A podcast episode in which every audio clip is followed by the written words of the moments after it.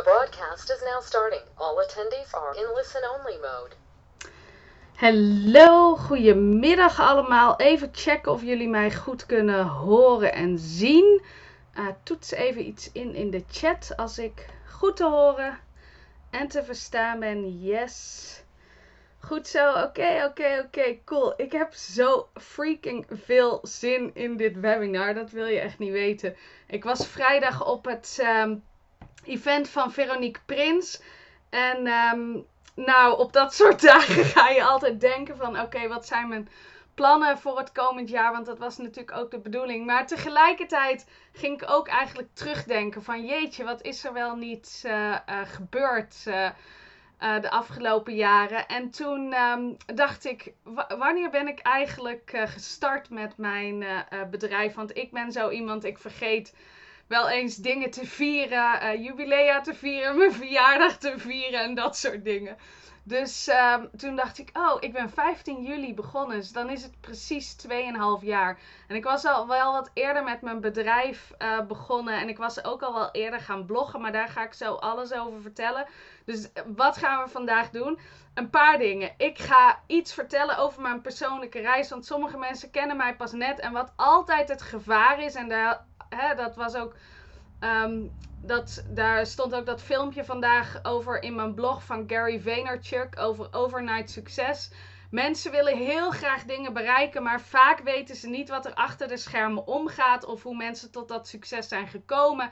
En vaak dan Um, het is zo'n gevaar dat mensen denken: oh, voor die persoon is het wel makkelijk, of voor die persoon is het zo gebeurd, of die persoon heeft nergens last van, of ja, maar ik ben onzeker en ik ben niet, uh, ik ben niet cool genoeg, of ik ben niet dit of dat. Um, en ik vind het juist zo belangrijk om die dingen wel te delen. En er is zo'n soort mythe dat dat niet kan, want je moet natuurlijk je meest succesvolle zelf uh, delen. En afgezien van het feit dat uh, de wet van aantrekkingskracht. Um, tegen heel veel, of dat ze, heel veel mensen die wet interpreteren van, oh, ik kan me niet focussen op de dingen die ik doormaak, of, um, of vragen die ik heb, of problemen waar ik waar ik tegenaan loop. Want dan krijg ik er meer van. Maar dat is niet hoe het werkt. Want ik kan dit gewoon met jullie delen zonder daarin de vibratie van er ervaringen waar. Uh, waar struggle of pijn of verdriet in zat, levendig te houden. Ik kan het gewoon delen, omdat het geheeld is. En het is dus niet meer actief in mijn vibratie. En dan trek ik het dus ook niet, uh, niet meer aan. Dus um, oké, dus dat ga ik ga wat over tijdlijn vertellen van hoe dat precies gelopen is. Ik ga al jullie vragen beantwoorden. Nou, nee, ik kan niet beloven dat ik al jullie vragen ga beantwoorden. Er zijn bijna 100 mensen bij de, uh, bij de call. Dus ik zal niet iedereen zijn vraag kunnen beantwoorden of bij kunnen houden. Maar ik ga mijn best uh, doen om er zoveel mogelijk uh, te beantwoorden. En tussendoor ga ik ook mijn beste tips delen. En er is één ding wat ik van tevoren wil delen. Want er is één ding wat zo freaking belangrijk is. En als ik het zou vergeten te delen, dan zou ik mezelf voor mijn kop slaan. Dus ik, daar begin ik gewoon mee. Want wat ik steeds meer en meer uh, denk. Kijk, er zijn geen trucjes uh, voor succes. Dat weten we diep van binnen wel. Maar toch zijn we vaak nog heel erg op zoek naar wat is nou dat geheim? Wat is nou die sleutel? Wat doet die persoon nou? En als ik dat dan na ga doen, kan ik dan hetzelfde uh, resultaat bereiken. En diep van binnen weten we dat wel. En we weten ook dat als we dat gaan doen, dat het vaak. Um, ja, dat het vaak raar voelt of niet afgestemd of niet eigen. En er is op zich niks mis mee, want dat is experimenteren. Ik doe dat ook vaak genoeg. Ik zie dat mensen dingen proberen en ik denk, hé, hey, dat werkt voor die persoon, dus ik ga dat uh, ook proberen op die manier. En dan kom ik er vanzelf wel achter van hoe werkt het voor mij? Welke dingen kan ik eruit halen die voor mij werken? En welke dingen kan ik eruit halen die niet voor mij werken? Maar ook met het delen van je boodschap zijn heel veel mensen zien van. Hè, er is bijvoorbeeld zo'n fase geweest dat mensen zeggen van. Oh, het helpt echt om je kwetsbaar op te stellen en om alles van jezelf te delen. En dan gaan mensen dat doen. Maar als het niet echt is wie ze zijn, als het, niet, als het niet zo is dat ze eigenlijk normaal dat soort dingen van zichzelf delen, of dat ze dat überhaupt willen delen, of dat ze denken dat dat überhaupt ook maar nodig is ergens voor. Ja, of dat ze denken dat ze er inderdaad meer van, van dat soort gelijke ehm, gebeurtenissen mee aantrekken, dan gaat het gewoon geen resultaat uh, leveren. En wat is nou eigenlijk echt aantrekkelijk voor mensen? Dat is als mensen zichzelf zijn. Als ze authentiek zijn, als ze puur zijn, als ze afgestemde beslissingen nemen. En hoe dat is, dat is voor iedereen anders. Er is geen regel voor. En dat kan je maar op één plek vinden. En dat is van binnen. Want voor sommige mensen is het puur en afgestemd en echt om bijvoorbeeld heel feitelijk te zijn en heel zakelijk te zijn en heel ordelijk te zijn en gestructureerd en overzichtelijk en op iedere andere manier dan past het niet. Dat zijn doorgaans niet de mensen die mij volgen, uh, maar je begrijpt wat ik bedoel. Hè? Ik, mensen die mij volgen zijn vaak creatief en er zit wat vaak wat chaotische kantjes uh, aan en zo. Um, dus, maar dat, dat is zo ontzettend belangrijk. En hoe, wat zijn dingen die ik dan uh, doe in mijn bedrijf, wat heel eigen is, dat kan ik met je delen. Uh, maar waar het vooral om gaat, is dat jij voor jouw bedrijf en voor je hele leven hoor. Want of je nou wel of geen business hebt, het is ook zo in relaties. Het is ook zo in de opvoeding. Het is ook zo in wat je fijn vindt om te dragen. Of hoe je eruit wil zien. Of wat je uit wil stralen het is eigenlijk het geheim om de hele buitenwereld te vergeten. Jezelf complete en volledige toestemming te geven om echt jezelf te zijn. En bij alles wat je doet, denkt of voelt of zegt, of schrijft of creëert te denken: is dit echt wat ik wil creëren? Is dit echt hoe ik mezelf tot uitdrukking wil brengen? Of zou ik liever iets anders doen? Als het, stel, er zou niemand over me oordelen. Stel, iedereen in de wereld zou me aanmoedigen en mijn grootste fan zijn. Wat nooit zo zal zijn, maar dat daar gelaten. Wat voor keuze zou ik dan maken? Wat is de meest afgestemde keuze? En alles wat je tegenhoudt om die keuze te maken, om dat te oncreëren en te vernietigen en los te laten. Zodat je steeds dieper komt bij wie je werkelijk bent. En dat is ook wat aantrekkelijk is voor mensen. Want wat is aantrekkelijk voor mensen? Mensen die een hoge vibratie hebben. Mensen uh, die, waar, daar wil je graag bij in de buurt zijn. Die zijn magnetisch, weet je. Daar voel je je toe aangetrokken. En je, je, het is gewoon fijn om bij die mensen in de buurt te zijn. Het is gewoon fijn omdat ze iets uitstralen. En ze stralen een soort zelfvertrouwen uit. Of liefde uit. Of een eigenheid uit. En daar heb ik persoonlijk altijd respect voor. En dat hoeft helemaal niet te betekenen dat ieder iemand alleen maar lief is. Want dat interesseert me helemaal geen reet. Ik heb, ik, want stel, hè, Kat, bijvoorbeeld mijn coach, die is echt prikkelend in wat ze zegt. Die kan uh, zeg maar bijvoorbeeld gerust in een uh, blog schrijven: You're a fat bitch of zoiets. En er zijn wel eens momenten geweest dat ik dacht: Oeps, weet je, ik ben ook niet een van de slangste. Um, en dan voelde, ik, dan voelde ik dat het een reactie uh, dat, dat ik er een reactie op had. Maar, maar als ik daar voorbij kijk, dan denk ik dat is mijn reactie en dat is mijn oordeel over mezelf. Want als ik op het punt kom dat ik mezelf compleet en volledig accepteer, precies zoals ik ben, en ik hou van mezelf en ik hou van mijn lijf en ik hou van alles wat het is en ik zit in mijn lijf en ik voel me goed en ik voel me sexy en ik voel me aantrekkelijk, dan en ik, en ik voel dat het mijn lijf is en dat het voor mij klopt en afgestemd is en goed voelt. En dat ik met alles afgestemde keuzes maak. Dan maakt het geen reet uit wat andere mensen zeggen. Want ik voel dat het klopt. Dus als iemand iets zegt waar ik een reactie bij heb of waar ik een gevoel bij heb.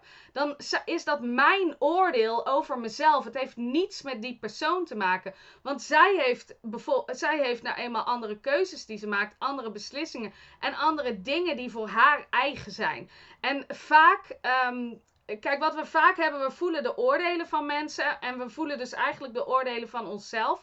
En daardoor vinden we het heel erg moeilijk om hun boodschap te ontvangen. We, uh, we keuren het eigenlijk af. En omdat we onszelf zo rot voelen over mensen hun openheid en eerlijkheid. Want ik noem nu dit ene voorbeeld. Maar ik, ik, wat ik.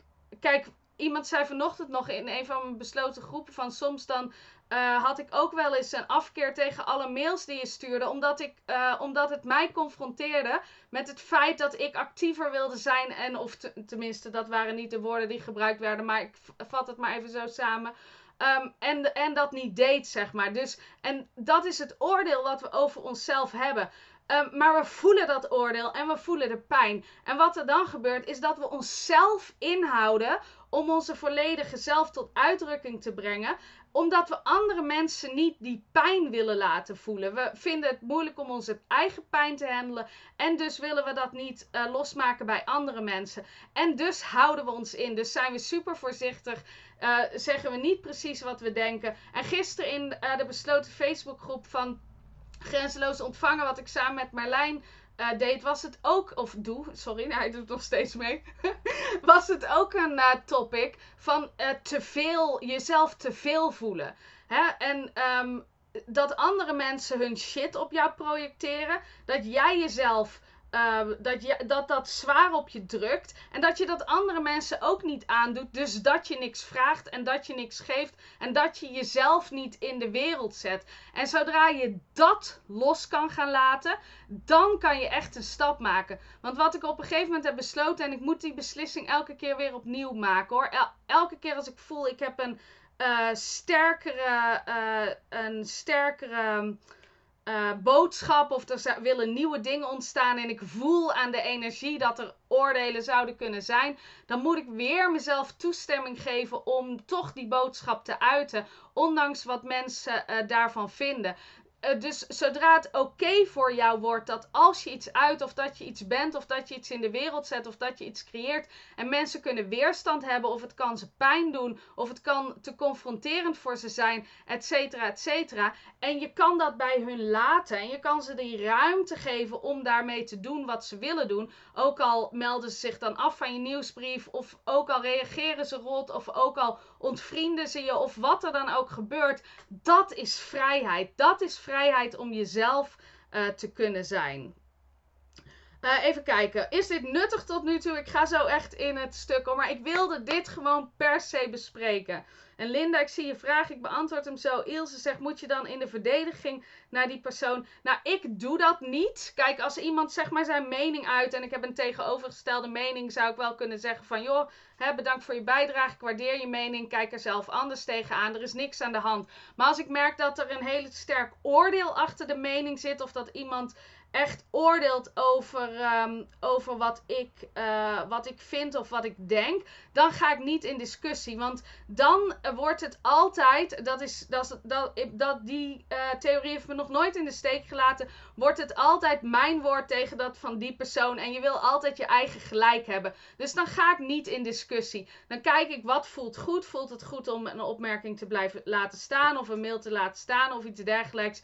Of uh, is het echt over het randje en is iemand echt gemeen of bot? Want dat accepteer ik niet in mijn uh, realiteit. Uh, en dan wist ik het. En, maar ik ga niet in discussie, want dat pakt energie af van creatie, zeg maar. En um, even kijken. Ik denk dat ik dat in een Access Consciousness boek heb gelezen. Maar de vraag: wil je gelijk hebben of wil je vrij zijn? Ik wil vrij zijn. Ik, wil, ik kies altijd, ik wil vrij zijn boven ik wil gelijk hebben. Laat die andere persoon maar zijn gelijk hebben. Dat inter... Oké, meestal interesseert het me niks. En als het me wel wat interesseert, dan moet het toch weer gewoon echt een bewuste keuze zijn om, uh, om vrij te zijn. Oké. Cool. Oké, precies het stuk waar ik nu zit, bang om mensen volgens dan kwijt te raken. Precies. En ik heb vanochtend een blog erover geschreven, die je dan echt uh, daarmee kan helpen, Karin. Om echt gewoon te zeggen van, laat maar, weet je. Als het, eh, als het niet jouw piep zijn, als het niet jouw mensen zijn, dan, het, het heeft geen zin. Vooral niet als je echt een grenzeloos mooi leven wil creëren. Want dan wil je mensen om je heen verzamelen waar je echt mee vibet, weet je. Wat stroomt en wat floot. En tuurlijk zijn er mensen die kijken nog naar je met een soort kritische houding. Er zijn altijd verschillende types mensen. En dat is oké, weet je. Ik leg persoonlijk de grens bij. Want ik, ik heb dat ook wel eens met Cat. Ik heb denk ik vier keer op het punt gestaan om me af te melden voor haar nieuwsbrief. Maar ik hou ervan dat ze me gewoon altijd uitdaagt om mezelf te pushen. En aan het einde van de dag is er alleen maar pijn over als ik mezelf veroordeel erover. En dat heeft nooit iets met haar boodschap te maken, maar altijd met mijn oordeel over mezelf. Hoe doe je dat als de oordelen komen van mensen die aan het hart gaan uit je omgeving? Op zich precies hetzelfde. Um, op zich precies hetzelfde. Maar ik ben me er heel bewust van dat um, er is niks anders in mijn realiteit dan ik. Alles in mijn realiteit is een reflectie van wie ik ben. Dus als bijvoorbeeld mijn man een oordeel heeft over mij, dan weet ik dat dat komt omdat ik een oordeel had over mezelf. Bijvoorbeeld toen ik uh, wilde stoppen met mijn baan in Lonies 2,5 jaar geleden, om er even in te haken op dat verhaal. Uh, toen. Um, toen vond ik dat in het begin echt heel moeilijk en ik had echt heel veel oordelen over. Uh, van, uh, maar direct red ik het niet. En straks krijg ik geen geld. En straks dan lukt het me niet. En dan zegt iedereen, oh, zie je nou wel. En er waren natuurlijk ook allerlei mensen die daar een uh, oordeel over hadden. En mijn man vond het ook moeilijk. Want hij ja, ik had nog helemaal geen omzet en ik had geen bewezen succes en ik was nog nooit ondernemer geweest. Dus hij had 0,0 garantie dat dat überhaupt ooit wat zou worden. En ik had ook maar 1000 euro spaargeld op mijn uh, rekening. Dus als het niet zou lukken en ik zou geen nieuwe baan kunnen vinden, ja, dan weet je, je gaat daar toch over nadenken. Maar op een gegeven moment toen die roep was zo sterk en dat ik die, uh, dat ik die beslissing uiteindelijk heb kunnen nemen. Maar wat ik heel sterk merkte is dat, mijn, uh, dat hij weerstand had over de beslissing die ik wilde nemen. Uh, als ik zelf oordelen had. En dan ging ik werken aan die oordelen. Dan ging ik mezelf toestemming geven om die stap te maken. Dan ging ik helemaal achter mezelf staan. Dan ging ik 100%. En dat, dat doe ik altijd door het op te schrijven. En inmiddels echt ook door dingen als Ho'oponopono en de, de clearing statement van Access Consciousness. En om vervolgens af te stemmen op wat ik wel wil. Dus ik ben de persoon die risico's neemt. Ik ben de persoon die uitdagingen aangaat. Ik ben de persoon die beslist dat iets een succes wordt en die ervoor gaat. Dat zei ik waarschijnlijk 2,5 jaar geleden nog niet zo uh, stellig. Toen was er nog meer van: oké, ik hoop dat dit lukt en laten we ervoor gaan. Maar goed, hè, je groeit elke dag. Dus nu tegenwoordig doe ik dat wel uh, zo stellig. Um, dus als mensen in mijn omgeving die oordelen hebben, en dat is ook zo met mijn schoonouders, maar dat heeft heel veel langer geduurd voordat ik dat enigszins kon helen. Want da dat was echt, dat was echt zo'n groot verschil met hoe hun in het leven stonden en hoe ik zelf in het leven stond. En ze staan nog steeds zo in het leven, maar ik merk dat dat door hun los te laten, door hun te laten zijn, door hun oordelen de ruimte te geven, maar wel altijd mijn eigen beslissingen te nemen en mijn eigen keuzes te maken, dat er een hele andere relatie is ontstaan. Dus ik zoek het altijd in mezelf. Ik ga, he, tuurlijk, de eerste reactie is misschien om boos te worden op mensen of om de ander de schuld te geven. Maar dan leer ik altijd weer, dat heeft nooit zin terug naar mezelf. Wat wil ik veranderen? Wat wil ik creëren? Hoe wil ik mezelf zien? Hoe wil ik dat mensen mij zien? Hoe wil ik andere mensen zien? Wat wil ik met die mensen creëren? En naar buiten weer. Oké. En Linda vroeg eerst wat. Even kijken. Ik scroll even terug. Waar ben je wat je business betreft het meest trots op? Ik denk. Ik weet het niet hoor, want er zijn zoveel eigenlijk gave dingen. Kijk, dat is het. Intappen op die eindeloze mogelijkheden. Maar wat ik denk is de events die ik aan het geven ben. De Geld is Liefde event. Wat ik vorig jaar uh, voor het eerst heb gegeven in juni. Um, ik heb in september een event gegeven wat op zich voor een kleinere groep was. Ik heb in december weer een Geld is Liefde event gehad. En oh, ik, ik krijg nog steeds helemaal tintels als ik eraan terugdenk. Uh, maar wie wie was erbij en wie dacht ook twee dagen lang: oh mijn god, wat gebeurt hier? Wat, dat zo, zo'n magie en zo, um, ja, zo'n synchroniciteit. Kennelijk is dat iets wat echt een soort van meant to be is. Want hoe dat floot. Uh, ja, zegt Nina. Oké, cool. Um, ik was erbij, inderdaad, mooie magie, belevenis. Bij twee van de drie. Oké, cool. Um, dat als dingen echt meant to be zijn, dan dat ze. Um, ja, dat het. Dat het, dan kijk je er van een afstandje naar en dan denk je: wat de fuck gebeurt hier? Weet je? En, maar goed, daar gaat wel werk aan vooraf, hè? Echt afstemwerk. Want, um, even kijken, wie zei dat nou? Mm, mm, mm, Even kijken, je kan je zo goed verwoorden. Leer je dat of is het je kwaliteit? Ehm, het is precies een beetje wat Veronique eigenlijk vrijdag zei tegen ehm, toen ze het event begon. Kijk, je, we denken dat we, dat we onze dromen realiseren, maar dat is niet zo. Dromen kiezen ons. Weet je, dit heeft mij gekozen. En het is mijn taak om dit in de wereld te zetten. En als ik er niet bij nadenk en ik laat, ik laat het gewoon stromen. Ik ga niet oordelen over mezelf. Ik ga er geen kritiek op gooien. Ik, ik, ga, ik vaar gewoon mee op de lol van alles. En op de vreugde en op de joy. En op wat ik precies wil doen. Ja, dan lijkt het gewoon. Dan, dan lijkt het alsof ik. Als ik zo'n webinar aan het houden ben. Ja, het slaat misschien helemaal nergens op. Maar dan heb ik wel eens het gevoel alsof ik zo'n. Ehm, alsof ik dan aan het zingen ben. Of je laat de muziek stromen. Of.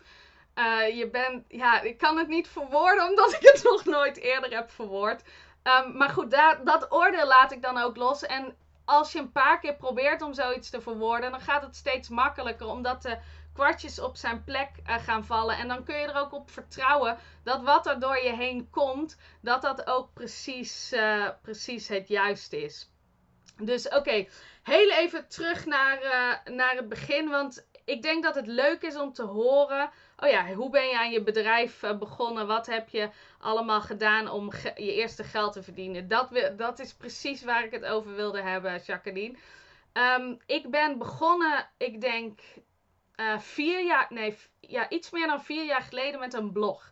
En dat was gewoon, dat was heel algemeen. Ik weet niet eens meer precies hoe het heette, maar dat heette zoiets van. Uh, uh, ja, blog voor persoonlijke ontwikkeling en spirituele groei of zoiets. Ja, ik had eerst had ik er iets anders van gemaakt. Toen was het.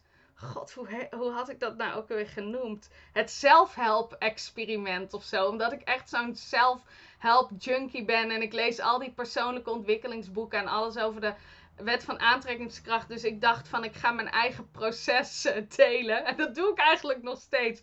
Maar ik vond dat zo verschrikkelijk eng. En ik had al die overtuigingen van: oh ja, maar dan moet ik echt alles gaan delen. En wat denken mensen wel niet, et cetera, et cetera. Dus ik heb dat veranderd in iets heel veiligs en iets heel algemeens. En toen ben ik ook hele algemene blogs gaan schrijven. Ze voelen voor mij, voelden voor mij toen heel uh, open, maar het ging eigenlijk nergens over. Ik vertelde dan iets over angsten en dat ik dan bang was, maar ik vertelde echt niet tot in detail waar ik dan precies bang voor was of wat er dan precies speelde. Het was heel algemeen, vooral ook omdat ik um, een baan in loondienst had. En um, ja, iedereen, ja, ik had daar allemaal oordelen over natuurlijk. Wat mensen daarvan zouden denken of wat mijn baas daarvan dacht. En dat was ook zo hoor. Want hij is wel een, twee, een keer of twee, drie naar me toegekomen. Dat hij zei van... Maartje, ik hoorde via via iets over die blog. Of ik hoorde dat je een blog had. Ja, misschien dat je het zo kan doen. Dat je het instelt dat mensen het pas kunnen lezen als ze als ze uh, zichzelf opgeven. Want het is wel, ja, het is gevaarlijk voor je om dat zo in het openbaar te doen. Want er kan heel veel narigheid uitkomen als mensen uh, kwaad in de zin hebben. Dus hij was echt oprecht heel erg. Um, uh, uh, bang voor wat er met me zou gebeuren als ik, um, als ik, me, als ik echt uh, mezelf zou delen. Maar goed, dat voelde niet goed voor mij. En ik zei wel tegen hem, ja Ralf, ik ben, zal voorzichtig zijn en ik houd er rekening mee. Maar ik dacht al bij mezelf, nee, dat ga ik niet doen, want dat voelt niet goed. Maar goed, dat is het puntje van niet de discussie aan willen gaan. Ik weet gewoon, dat heeft geen zin. Hij heeft gewoon zijn mening. Dus, uh, en hij wil gewoon alleen maar horen dat hij gehoord wordt. En dat hij gezegd heeft wat hij gezegd heeft. Zodat als hij later op zijn kop krijgt van zijn leidinggevende. Dat hij heeft gezegd: Ja, ik heb het gezegd, maar ja, ze heeft er niks mee gedaan. Dus dan is het gewoon mijn fout. En dat heb ik gewoon, uh, dat, dat accepteerde ik. Dus, um, en die blog, dat ging echt niet soepel in het begin. Ik had wel hele grote dromen.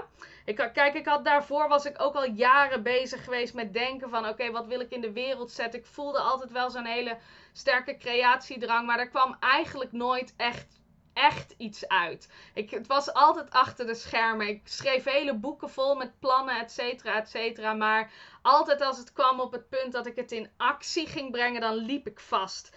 Als ik überhaupt al begon, dan stopte ik erbij mee. Ik heb mezelf wel ooit een keer ingeschreven bij de Kamer van Koophandel, maar nooit meer iets uh, mee gedaan. Um, ik weet niet ik weet niet of je er nog bent, Bas, maar weet je dat nog maartjes mandjes? Volgens mij had ik dat toen ook met jou gedeeld. Maar goed, dat was. Ja!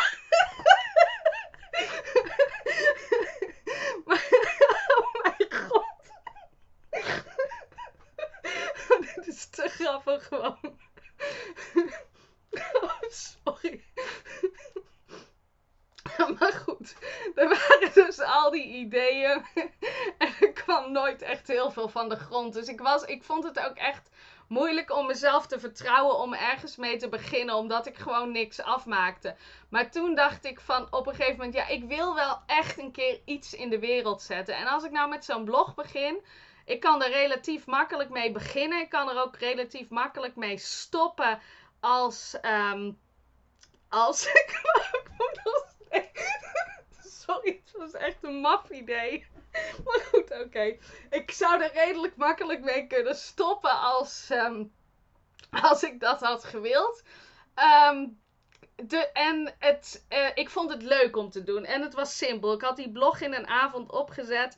Toen ben ik gaan schrijven en ik merkte gewoon, ik vond het echt leuk om te schrijven en om het te delen. Ik deed alleen wel verschrikkelijk lang over zo'n blog. Ik zat echt gewoon drie of vier uur op een avond zat ik erover na te denken en boeken erbij te pakken en eh, stukken te lezen van anderen of te googlen van hoe, wat ik er dan over wilde vertellen om dat helemaal af te maken. Dat kwam helemaal niet vanuit uh, mezelf of van me uit wat ik werkelijk wilde delen. Dat kwam uh, vooral uh, hieruit. Maar dat is oké, want ik was in ieder geval ergens mee begonnen. Vertel me over je mandjes. Nee, ja, er valt niet heel veel te vertellen. Het is echt niet interessant. Het was gewoon grappig. Dus, um, en op een gegeven moment merkte ik, ik had geblogd en ik bleef dat ook doen en ik vond het leuk en ik deed het één à twee keer in de week. Uh, en toen dacht ik van, oké, maar wat kan ik hier nou mee? Toen ging ik wat vragen stellen. En toen dacht ik nog van, ja, misschien kan ik professioneel blogger worden. Want ik vond schrijven wel altijd heel leuk. Ik had vroeger, zei ik altijd, of toen ik ontdekte over de wet van aantrekkingskracht en je kan alles creëren wat je wil, dacht ik dan wil ik schrijven. Uh, en alles leren over hoe we onze realiteit creëren en dat delen met mensen. Dus ik dacht, nou, ik kan gaan bloggen en dan kan ik uh, daar geld mee verdienen. Maar mijn blogs waren helemaal niet goed genoeg of specifiek genoeg of wat dan ook om door een heel groot aantal mensen uh, gelezen te worden. Toen, weet je, nu denk ik gewoon, ja, het is een kwestie van de lange adem. Uh, maar toen dacht ik nog dat je ging bloggen en dat dat heel snel zou gaan. Maar ik had, was negen maanden aan het bloggen en ik had veertig mensen die zich hadden ingeschreven om die blogs te volgen. Dus ik dacht, ja, als dat op deze manier uh, doorloopt. en ik had allerlei dingen gelezen over wat er dan voor nodig was om met zo'n site geld te verdienen. En dan zou je page ranking heel hoog moeten zijn. En die van mij stond op 0,0. En ik vond het allemaal vermoeiend. En dan zou je wel advertorials moeten schrijven. Maar alles wat ik daarover las, dacht ik: nee, dat uh, spreekt me niet aan. Dus ik dacht, nou, wat dan? Weet je, want ik voelde wel, ik wil meer. Ik wil weg uit loondienst. Ik hoor je niet. Ik voelde de roep, zeg maar. Maar wat dan? Toen dacht ik, ja, ik kan gaan coachen. Ik had een coachopleiding. Ik heb hem nooit afgemaakt overigens. Als mensen nou denken, ik heb een diploma nodig om iets te bereiken bij deze wil ik dat even ontkrachten voor je. Uh, ik heb nooit mijn coachopleiding afgemaakt. Is nog nooit een klant overigens die om mijn diploma heeft gevraagd hoor. Ik zeg altijd: het enige wat klanten belangrijk vinden is dat ze resultaat behalen. En als ze resultaat behalen, dan maakt het ze denk ik geen reet uit waar je die kennis vandaan hebt gehaald. Als zij er maar door groeien. Dus um, ik dacht, maar ik, ik denk niet dat ik echt wil coachen. Want ik dacht, ja, dan heb je een praktijk en dan komt er iemand en die gaat weer weg en dan komt de volgende. En dat leek me heel statisch en um, uh, enigszins saai uh, geheel. Maar ik kon ook niks anders bedenken. Ik, en kijk, dat is ook een beetje hoe je realiteit creëert. Er is altijd één volgende logische stap. Er is altijd iets wat het universum je laat zien. En als je die neemt, dan openbaart het volgende zich. En dat wist, dat wist ik toen nog niet zo goed hoor. Dat is iets wat ik echt het afgelopen jaar of anderhalf jaar heb geleerd. Maar in ieder geval dacht ik, nou ja, iets is beter dan niets. Dus laat ik dat doen. En dan kijk ik wel. Dus toen heb ik een um, uh, designbureau in de arm genomen om een website format um, uh, te ontwerpen. Dat is nog steeds trouwens mijn huidige website. We zijn wel bezig met vernieuwing en, en verfrissing, et cetera. En mijn lieve vriend Bas, die, uh, die is zich daar, die is zich daar um, bovenop aan het storten. Dus en uh, dat heeft een half jaar geduurd. Dat ik ook best wel wat geld aan uitgegeven. En dan denk je van, oké, dan lanceer ik het. En dat is het grote moment. Maar ja, er gebeurt helemaal niks. Oké, voor wie is dat herkenbaar? Eh, d- en ik had wel, ik kreeg op een gegeven moment één klant en ik bood ook echt alleen maar losse sessies aan. één klant. En ik, ik vroeg 97 euro voor een sessie. Dus dat voelde al heel oncomfortabel en groot. Maar ik dacht, ja, dat is gewoon ongeveer hetzelfde als wat het UWV, zeg maar, per uur voor mij eh, betaalt toen ik bij de gemeente werkte. Ik, werd, ik werkte bij de gemeente, werd, werd ingehuurd door het UWV. En die betaalde dat bedrag. Dus ik dacht van, nou ja, dat ben ik kennelijk waard. dus dat ga ik ook met die dienst vragen. Maar het voelde zo oncomfortabel om dat te ontvangen.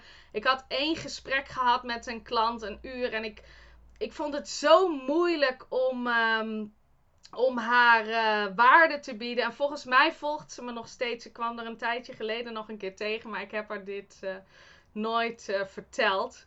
Ehm, en ik, toen kon ik, mijn energetische deur was dicht daarna. Weet je, ik kon echt geen klanten ontvangen. Ik deed er ook geen moeite voor. Ik, ik, deed, ik deed geen marketing. Ik ha- had ook geen verstand van marketing. Ik wist ook niet hoe het werkte.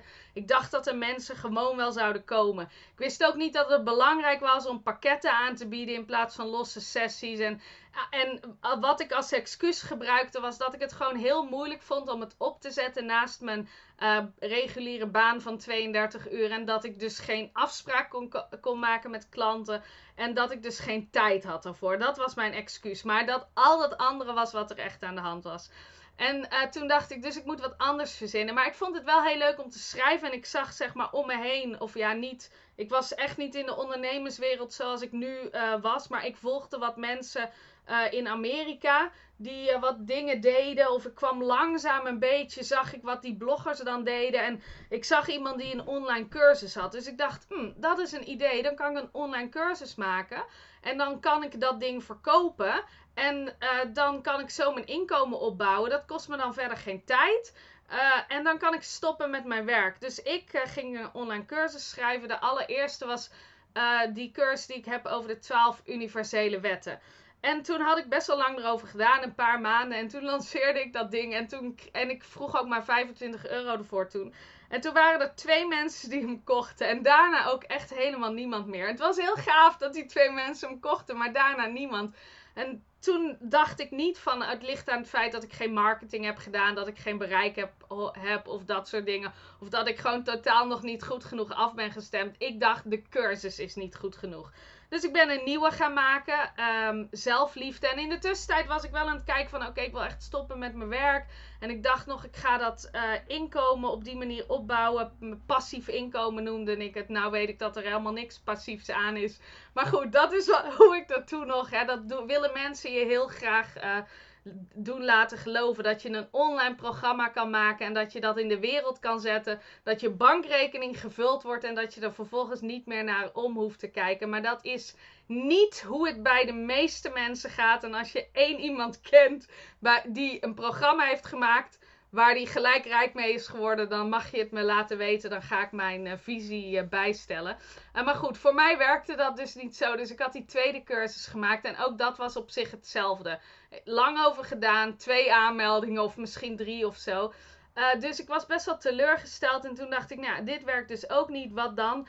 En ik had dat was ongeveer in, april of zo. En ik had wel de hele tijd al aan mijn baas gevraagd: mag ik minder werken? Mag ik minder werken? Want ik dacht, als ik 24 uur werk, dan kan ik gewoon stoppen met. Uh, hè, dan kan ik daarnaast meer aan mijn bedrijf werken. En, uh, en hij zei wel iedere maand ja. Maar uiteindelijk was het iedere maand nee, omdat hij gewoon geen vervanging voor mij had. En niemand kon een deel van mijn werk.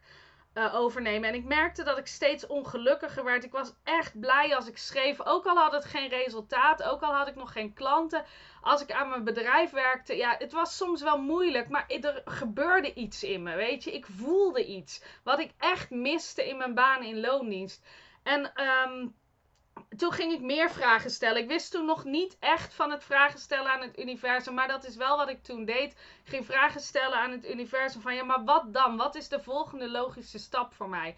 En toen uh, werd ik lid van. Um, uh, even kijken, hoe heet dat ook weer? De, de Amazing Life and Biz Academy van Leonie Dawson.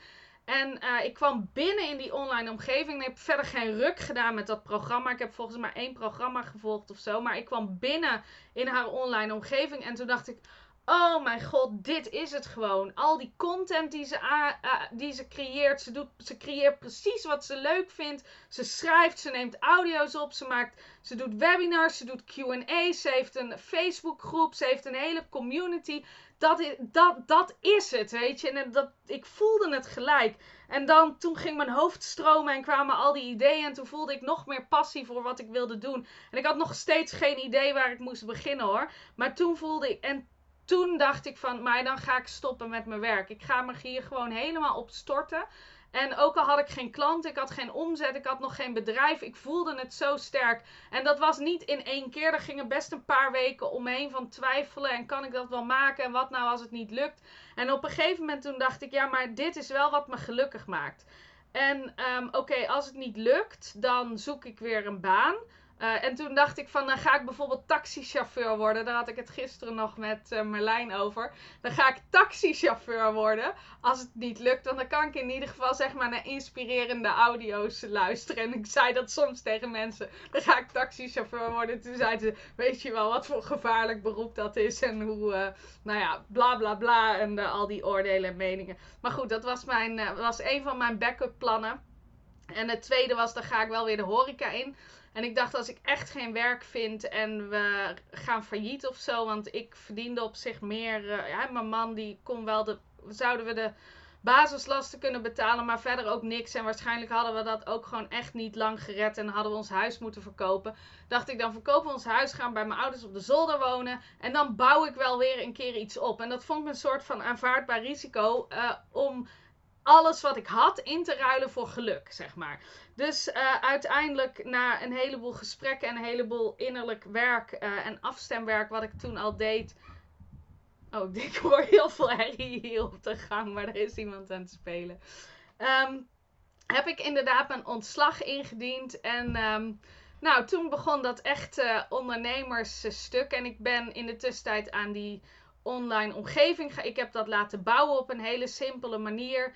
Uh, ik heb daar iets van 500 euro voor betaald of zo toen om een soort online omgeving uh, te bouwen op mijn Maartje Kopers site nog. Uh, ik had een extra cursus ben ik gaan lanceren vanaf september toen. En um, nou, ik, in het begin had ik echt niet veel inkomsten. De eerste maand was 100 euro, toen 200. En zo groeide dat rustig verder. En de eerste half jaar heb ik iets van... Um, uh, eh, 2000 euro verdiend of zo. En ik weet niet hoe ik aan mijn geld ben gekomen. Want het is niet dat ik heel veel gas terug heb genomen in wat ik uitgaf. Maar ik, heb voor, ik stond vooral, stemde ik iedere dag af op uh, hoe ik uh, geld kon ontvangen. En er kwamen altijd wel dingen op ons pad. Het was niet altijd makkelijk, want soms raakte ik echt wel in de stress. En dan moest ik echt gaan zitten achter mijn afstemdagboek en opschrijven van geld komt altijd naar me toe. Ik ben een geldmagneet, et cetera, et cetera. Maar dat doe ik nu nog steeds. Want mijn bedrijf is gegroeid, maar mijn uitgaven zijn ook gegroeid en mijn kosten zijn ook gegroeid. En het is veel moeilijker. Er zit veel meer intensiteit en energie is er voor nodig om een bedrijf te runnen wat, uh, wat zoveel uh, omzet genereert. Want ik heb ook evenredig veel uitgaves, wat die allemaal betaald moeten worden. Dus ik zit nog steeds, voel ik af en toe de angst, voel ik af en toe dat ik naar een volgend niveau wil. En dan is het precies hetzelfde werk nog. Maar dat deed ik toen ook al. En er kwamen altijd kleine dingen uh, op ons pad. Ik kon een verzekering afkopen, bijvoorbeeld. Um, en één leuk voorbeeld wat ik vaak um, gebruik is dat, ik in, dat we inderdaad geld nodig hadden. En ik was me daarop af aan het stemmen. En de volgende dag kwam uh, Bob zijn uh, vader en zijn oma hadden Bob zijn oude brommer hier in de schuur gezet. En ik dacht nog, jezus, wat een stuk schroot, weet je. Oh, ik word heel vaag opeens. ik hij doet het geen eens meer. En dan moeten we dat ding naar de stort brengen. En ik had aan de buurman gevraagd, die hield van brommers, wil jij hem soms hebben? En uh, toen had hij, ik weet niet of hij überhaupt al antwoord had uh, gegeven. Um, en um, toen, um, uh, toen had ik even op Marktplaats gekeken. En toen bleek dat mensen nog minimaal 500 euro voor dat oude waardeloze ding betaalden. Dus toen heb ik gelijk foto's genomen en hem op Marktplaats gezet. En een dag later was hij weg en waren we 550 euro rijker. En zo gebeurde er heel vaak van dat soort toevalligheidjes. Dat je iets kreeg. Of ik heb ook in het begin mijn auto verkocht. Dat is ook iets wat ik gedaan heb. Dus zo waren er allemaal dingen. En ik heb geld geleend op een gegeven moment van mijn ouders om een. Uh, uh, cursus te volgen over marketing en business en zo, die ik graag uh, wilde volgen. En zo uh, druppelde het, het door. En elke maand werd het een beetje beter en soms ging ik wat achteruit. Maar er gebeurden gewoon dingen. Um, even kijken. Uh, je vroeg 2,5 jaar geleden wat mensen voor jouw programma wilden betalen. Ik bood een 27 euro, zegt Pauli. En je vroeg hoeveel we wilden betalen, maar er waren geen gegevens bij om te betalen. En dat is dus grappig, Pauli en Annemie. Want ik heb inderdaad een tijd gewerkt met bepaal je eigen investering. Konden mensen zelf hun investering bepalen. Dat heb ik in het begin voor mijn membership programma gedaan. En later ook nog een keer voor Geld is Liefde. Um, maar dat was vooral omdat ik het zelf zo moeilijk vond om mijn waarde te bepalen. En ik legde eigenlijk die verantwoordelijkheid bij mijn klanten neer. En um, dat is echt wel een hele grote les geweest. En het is wel heel geinig dat je zegt van er waren geen gegevens om bij te betalen. Want ik heb daar nooit naar gevraagd. Ik durfde gewoon niet aan mensen te vragen. Want de, de constructie was oké, je betaalt van tevoren wat je wil. En dan volg je het. En dan, dan haal je eruit wat erin zit. En dan betaal je bij. Maar ik durfde gewoon niet om het geld te vragen. En ik dacht gewoon, ja, als mensen het niet automatisch doen, dan zal het wel niks waard zijn, et cetera.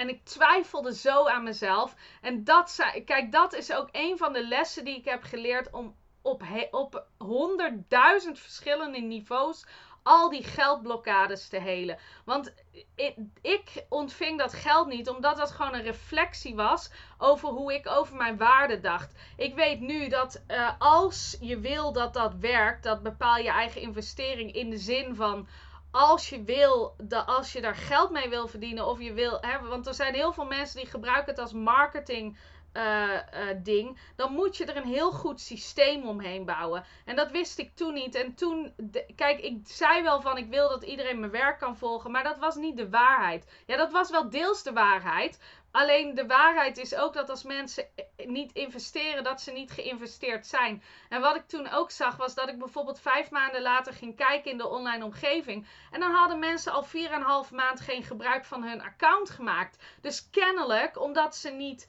geen waarde hadden neergelegd ervoor, zagen ze ook de waarde niet in. En dat gaf me echt een rot gevoel. Dat ik dacht, ik ben dag en nacht met dit bedrijf bezig. Dat, hè, ik, dat was ik toen ook al op een iets minder intensieve mate. Dat heb ik opgeschroefd elke maand of elke één keer in de zoveel tijd. Dan voel ik dat er meer vuur is en dat er meer wil ontstaan. En dan schroef ik dat weer op.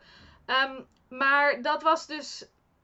Dat, ik weet niet, wat was ik aan het vertellen? ik ben mijn woorden kwijt. Oké, betaal je, eh, je eigen investering. Mensen maken er geen gebruik van. Ze loggen niet in. Dat was ik aan het vertellen. Uh, dus uh, het gaf me een rot gevoel. Ja, ik ben aan dat bedrijf bezig, dag en nacht. Daar was ik inderdaad. En dat gaf me een rot gevoel dat mensen die waarde er dan niet voor inzagen. En toen dacht ik, ja, maar dat komt omdat ik niet mijn waarde vraag. En dat, daar heb ik toen heel veel lessen over geleerd. Over hoe je je eigen waarde kan bepalen. En, hoe, en daar heb ik trouwens ook een um, uh, training van in mijn online uh, community. Want dat is eigenlijk alles wat ik doe. Ik leer zelf mijn lessen. En als ik ze heb geleerd, dan maak ik er een programma over. Dat is eigenlijk alles wat ik doe. Lieve mensen, het is zo simpel. En uh, of mensen vra stellen vragen van, oh kun je dit delen, kun je dat delen? Of hoe doe je dat precies? Laatst vroeg iemand aan me van, ja hoe organiseer je je events? Of wat is daar allemaal voor nodig? Of hoe stem je erop af om de zaal te vullen? En dan weet ik, oh daar ligt een behoefte om dat voor mij, uh, van mij te leren. En dan, ga, dan schrijf ik, hè, dan, of ik gooi het gelijk in de lucht. Of ik denk van later, ik ga er een uh, training over maken. Oké. Oké, cool, cool, cool. Um, even kijken, ik ga even wat uh, nieuwe vragen uh, beantwoorden. Wat was het moment dat je dacht, dit wordt mijn doorbraak? Nou, er zijn op zich verschillende, want er is nooit één moment. Maar wat een heel belangrijk moment was geweest, was toen ik ongeveer een maand of tien bezig was. En ik verdiende toen ongeveer mm, 1500 euro in de maand of zo. Dus, en ik kon wel mijn rekeningen betalen, maar het was geen vetpot, zeg maar. En wat ik toen merkte was, ik ben me eigenlijk nog steeds constant af aan het stemmen op tekort. Ik ben constant af aan het stemmen op wanneer gebeurt het nou? Wat wordt nou mijn grote moment? Wanneer, wanneer gaat het nou echt gebeuren of stromen voor mij? Ik was constant me af aan het stemmen op wat er niet was en op tekort. En wat ik allemaal nog zou moeten doen om een bepaald succes eh, te behalen. En dan ben je altijd zeg maar in die toekomst aan het leven. En dat, dat inzicht heb ik, uh, heb ik geswitcht dat ik denk, als ik een stap wil maken, dan moet ik die persoon al zijn. Dus ik wilde zeg maar die 10.000 euro per maand verdienen. Dat, dat was toen mijn, uh, mijn wens. Wie ben ik als ik 10.000 euro per maand verdien? En wat voor beslissingen neem ik dan? En dat ben ik vanaf toen uh, gaan doen. En op zich stroomt het nog steeds, stroomde daarna nog steeds op dezelfde manier. Want het is niet zo dat ik toen de volgende maand 10.000 euro verdiende. Maar toen de maand daarna 2,5. Dat heeft een paar maanden geduurd. Daarna 3 of zo. Toen ben ik volgens mij naar de 5 of 6 gesprongen. Dat was opeens een verdubbeling. En het was niet dat ik per se. Um, uh, per se hele andere dingen doe. Maar wat ik dan altijd doe, als ik het, um, de wens heb om meer geld te verdienen, dat ik denk. Ik ga heel kritisch kijken naar wat komt er binnen, waar komt het vandaan, wat werkt er wel, wat zijn mijn overtuigingen, wat zijn de overtuigingen die wel werken en waar kan ik het energetisch nog niet toelaten. Dan ga ik dat stuk helen. Uh, deze maand heb ik het ook, weet je. Ik, want toen wilde ik die 10.000 euro in. Inmiddels is dat doel uh, uh, ver, ver, verhoogd naar 100.000 euro per maand. En dan ga ik kijken van, maar waar kan ik dat dan niet toelaten? Welke overtuigingen uh, heb ik die uh, daar dan van mee in de weg staan? En ik deel daar, uh, ik heb zeg maar in de Geldsliefde community heb ik een onderdeel en dat heet mijn 100.000 euro per maand dagboekverslag. En dat heb ik sinds september of zo deel ik elke maand. Waar ik tegenaan ben gelopen en of ik dichter bij mijn doelen ben gekomen, ja of nee. Ik heb volgens mij de afgelopen maand niks uh, gedeeld. Maar vanaf deze maand ga ik super specifiek delen wat mijn omzet is tot op de cent nauwkeurig en waar het precies allemaal vandaan is gekomen. En ook een audio erbij creëren van wat uh, heeft er dan toe geleid dat ik het niet gehaald heb of wel gehaald heb. En ik, ik, ik, ik voel gewoon, kijk, je haalt pas een omzetdoel als het uh, als het voelt als de eerstvolgende logische stap. En dat is in de Geldsliefde community ook het thema van deze maand. Hoe behaal je moeiteloos je grootste uh, gelddoelen? En ik weet niet of er iemand al is uh, die naar de. Of iemand hier is die de. die de. Die die audio heeft geluisterd of die in de community zit en hoe, hoe waardevol dat is om daar echt op die manier naar te kijken. En dat is wat ik elke maand doe. Om te kijken, maar wel met speelsheid en met luchtigheid. En het is een spel en het is een creatie en het betekent verder niks. Maar ik weet gewoon als het niet volgt, uh, voelt als de, als de eerstvolgende logische stap dan kan ik, ja, dan, dan weet ik dat ik het niet ga halen. En die 100.000 euro voelt nog steeds ver weg. Maar ik, ik weet ook gewoon, er is nog van alles mogelijk deze maand. Ik ben al heel ver deze maand. Alleen het voelt ook oncomfortabel om. Soms heb je jezelf zo hard gepusht dat het ook oncomfortabel voelt om. En daar zitten dan blokkades en daar ga ik dan mee aan de slag. En hoe ik dat doe, dat leer ik allemaal in de module van deze maand. Dus als je interesse hebt, ik, op zich is de community nu dicht, maar ik heb natuurlijk al bedacht dat ik uh, wel een leuk aanbod wilde doen. Dus ik heb ook een heel leuk aanbod al aan het. Ik vertel het even aan het einde. Ik ga nu geen tijd aan besteden, maar blijf dan lekker hangen. En dan, uh, dan deel ik dat dan even. Monique zegt, ja, super waardevol. Kwartjes zijn gevallen, super waardevol. Who has my money? Dat, echt serieus. Hij staat hier ook op mijn... Uh, ik ga hem even laten zien aan jullie. Even kijken. Who has my money? Iedereen zei van, oh, ik heb het op een post-it geschreven. Ik heb het op een post-it geschreven. Het was voor iedereen zo'n grote doorbraak, die zin en al die informatie erachter. Dus dat, is, dat maakt het zo nuchter en praktisch en uh, toepasbaar om op die manier naar geld uh, te kijken. Precies, Monique zegt ook, ja, die, waar is mijn geld? Oké, cool. Eh, er komen heel veel vragen binnen. Even denken wat slim is. Ik was halverwege een verhaal.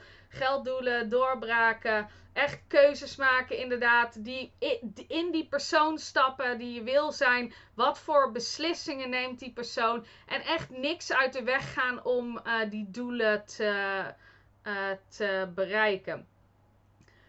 Oké, cool. En iemand zegt ook, wat geeft veel waardevolle en inspirerende informatie. Vallen allerlei kwartjes. Heel erg dankjewel. Kijk, wat ik zoiets heb van, ik kan altijd meer leren. Er is altijd meer om te leren. Dus ik kan dit allemaal delen met jullie. Maar er is nog zoveel wat ik dan nog niet heb verteld. Of wat ik zelf nog bij ga leren. En wat ik dan weer kan delen.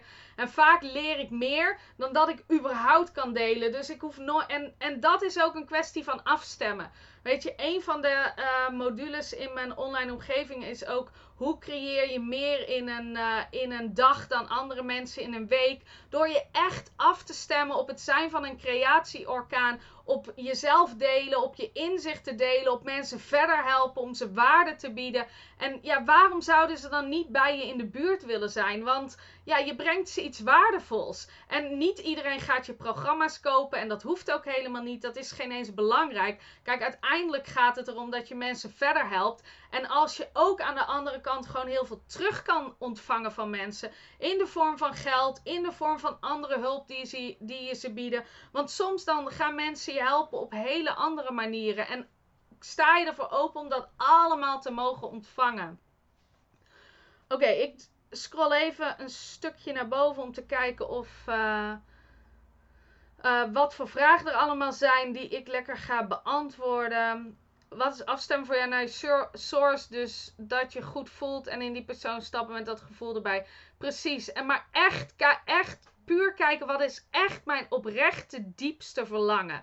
Uh, want vaak zijn we zo geneigd om te denken, om dat normaal, ja, niet, maar om het uh, ge, om ons te conformeren aan de normen of aan andere mensen als we kijken naar wat onze verlangens werkelijk zijn. Maar als ik naar mezelf kijk, en ik weet niet hoe dat voor jullie zit, zijn mijn verlangens eigenlijk juist heel bijzonder en vallen niet buiten de norm. En dat maakt het tegelijkertijd ook eng, omdat ik dan uh, denk van omdat ik dan tegelijkertijd weet, daar gaan allerlei mensen allerlei oordelen over hebben. Dus dan moet ik er weer mee aan de slag om dat te kunnen ontvangen, los te kunnen laten en mijn grenzen aan te geven uh, waar ik, uh, hè, waar mensen daar.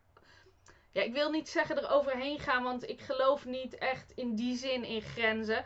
Maar ik geloof wel dat je, dat je jezelf moet beschermen maar niet vanuit angst, maar vanuit liefde, weet je? Zo van, oké, ik ben super waardevol, ik ben een magisch wezen, ik heb belangrijke dingen te doen hier en ik kan en ik heb geen tijd uh, om te besteden aan uh, bullshit, aan mensen die me naar beneden halen. Ik, ik heb een heel sterke overtuiging ontwikkeld en dat komt ook door Cat, want dat zegt zij ook altijd: either you're with me or you're against me, of ja, misschien iets minder hard. Nou, nee, wat zei ze? Wat was de uitspraak? Either you're with me or you get the fuck out of here of zoiets. En zo denk ik dat ook. Kijk, of je steunt me en je bent er voor me.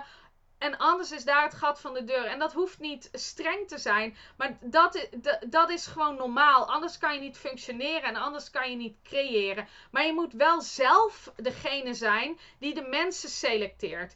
Kijk, en jij moet, het moet zelf zijn dat je denkt van dit dit, hier ga ik niet mee akkoord. Kijk, je kan wel de energie ervan ontvangen. Je kan wel uh, ontvangen dat er nu eenmaal mensen zijn die oordelen en die een mening hebben. Maar je hoeft het niet, ze niet binnen te laten in jouw persoonlijke ruimte. Uh, ik heb zoveel ideeën voor mijn bedrijf, maar doe niets omdat ik niet weet of het goed is deze stap te ondernemen. Bang dat het warrig is of zo. Kijk, en dan hoop ik dat je nu hebt meegekregen. Begin gewoon ergens. Er is altijd één eerste stap. Ook al is dat mega warrig. Ik heb nog steeds wel eens het idee als ik iets uh, deel dat, dat, het niet warrig is, dat het warrig is of dat het niet helder is of wat dan ook. Maar als je daarmee begint en vervolgens ga, elke stap die je neemt wordt het duidelijker en helderder. Totdat je weer allerlei andere inspiratie krijgt. En dan voelt het weer zo'n warboel. En dan moet je weer schrappen en opnieuw indelen. En systemen en processen en structuren, et cetera. opnieuw inrichten, nieuwe mensen aannemen, met nieuwe mensen samen gaan werken, nieuwe keuzes maken. En dan valt het net weer een beetje samen.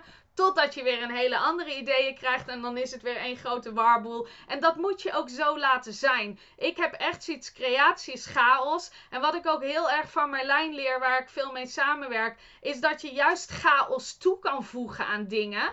En ik kan dat niet goed uitleggen, maar ik heb laatst een uh, clipje van hem uh, gedeeld op mijn persoonlijke tijdlijn. Dus dat moet je maar even opzoeken als je dat leuk vindt. Maar om chaos toe te voegen aan situaties. Want wat er dan gebeurt, is dat de energie eigenlijk helemaal niet te bevatten raakt voor je. En dan is er van alles mogelijk. Want meestal trekken we allerlei conclusies over situaties en daarmee zetten we ze vast. En dan is er ook niks anders meer mogelijk dan de conclusie die jij hebt getrokken. En door chaos toe te voegen, verruimte energie, zeg, is er weer van alles mogelijk wat jij nog niet kan zien. En dus kun je veel meer ontvangen dan wat je ooit maar voor mogelijk hield. Dus nou, hé, hey, misschien kan ik het toch duidelijk uitleggen. Oké, uh, even kijken. Ik, jongens, oh, jullie stellen zoveel vragen. Ik zit naar boven te scrollen, maar even kijken. Wat. Um...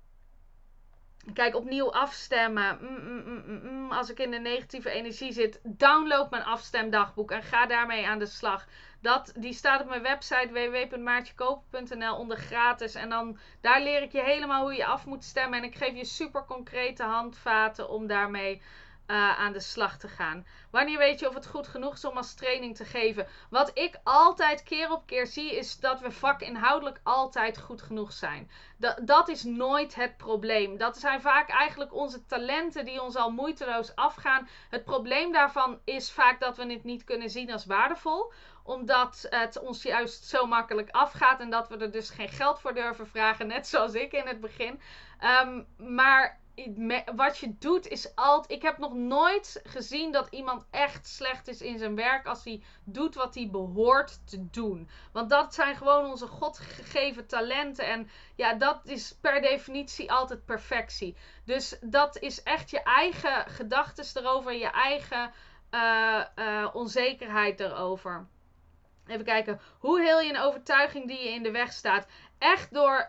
Hoe ik dat doe is of Ho'oponopono. Hoe dat precies werkt. Uh, dat, dat, hè, als je besluit om lid te worden van die Geld is Liefde community. Leer ik je daar alles over. Want het voert te ver om dat in dit webinar te doen. Maar of uh, ik maak, ik schrijf echt op dat ik ervoor kies om het te oncreëren en te vernietigen. Meestal is het een combinatie van Ho'oponopono en um, die, die, uh, die keuze om te oncreëren en te vernietigen. En dan ga ik tegelijkertijd tegenovergesteld statement zeggen.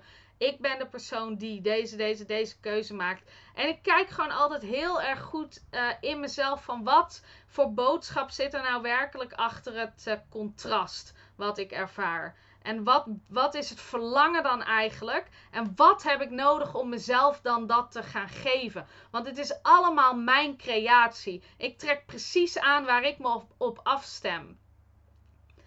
Even kijken. Uh, hoe werkt dat dan toen je inkomen verdubbelde? Heb je je prijzen verdubbeld? Of was er een verdubbeling van mensen die producten kochten? Maar dat is precies wat ik altijd denk. Ik denk, oké, kijk naar de, de dingen die werken. Dus ik heb of meer bereik nodig of hogere prijzen. En vaak is het een combinatie van die twee. Dus dan verhoog ik en mijn prijzen. En nu is dat, eh, is dat redelijk. Uh, zijn mijn prijzen op dit moment heel even stabiel. Omdat ze gewoon goed voelen. Maar ik heb wel echt vaak mijn prijzen echt verdubbeld. Zeg maar. Dat heb ik wel drie of vier keer gedaan het afgelopen jaar. Um, en elke keer was dat wel een dingetje en was dat even moeilijk. En vaak als ik het verdubbelde, dan voelde het nog niet helemaal goed. Of ja, soms ook wel weer. Maar pas als het echt goed voelde, kon ik uh, dat dan ontvangen. Dus dan ging ik meestal, wat ik, de opdracht die ik meestal geef, die heb ik van mijn coach uh, Brigitte uh, van Taal. En dan um, ga ik 25 dingen opschrijven die waardevol zijn aan mijn programma's. En uh, om het echt weer te zien van, oh ja, dit is wat het waard is.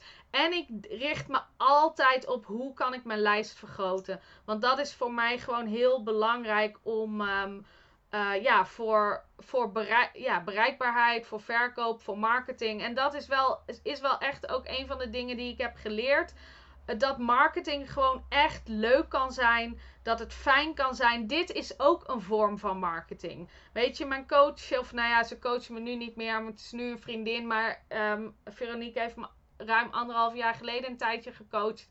En die zei ook van. ehm, kijk, als je dan. ehm, ja, ik vind het echt oprecht leuk om webinars te geven hoor. Dus misschien moet ik die even bijstellen. Maar zij zegt altijd: tuurlijk ga je verkopen in een webinar. Want anders ga je wel eh, wat anders doen met je avond of met je tijd.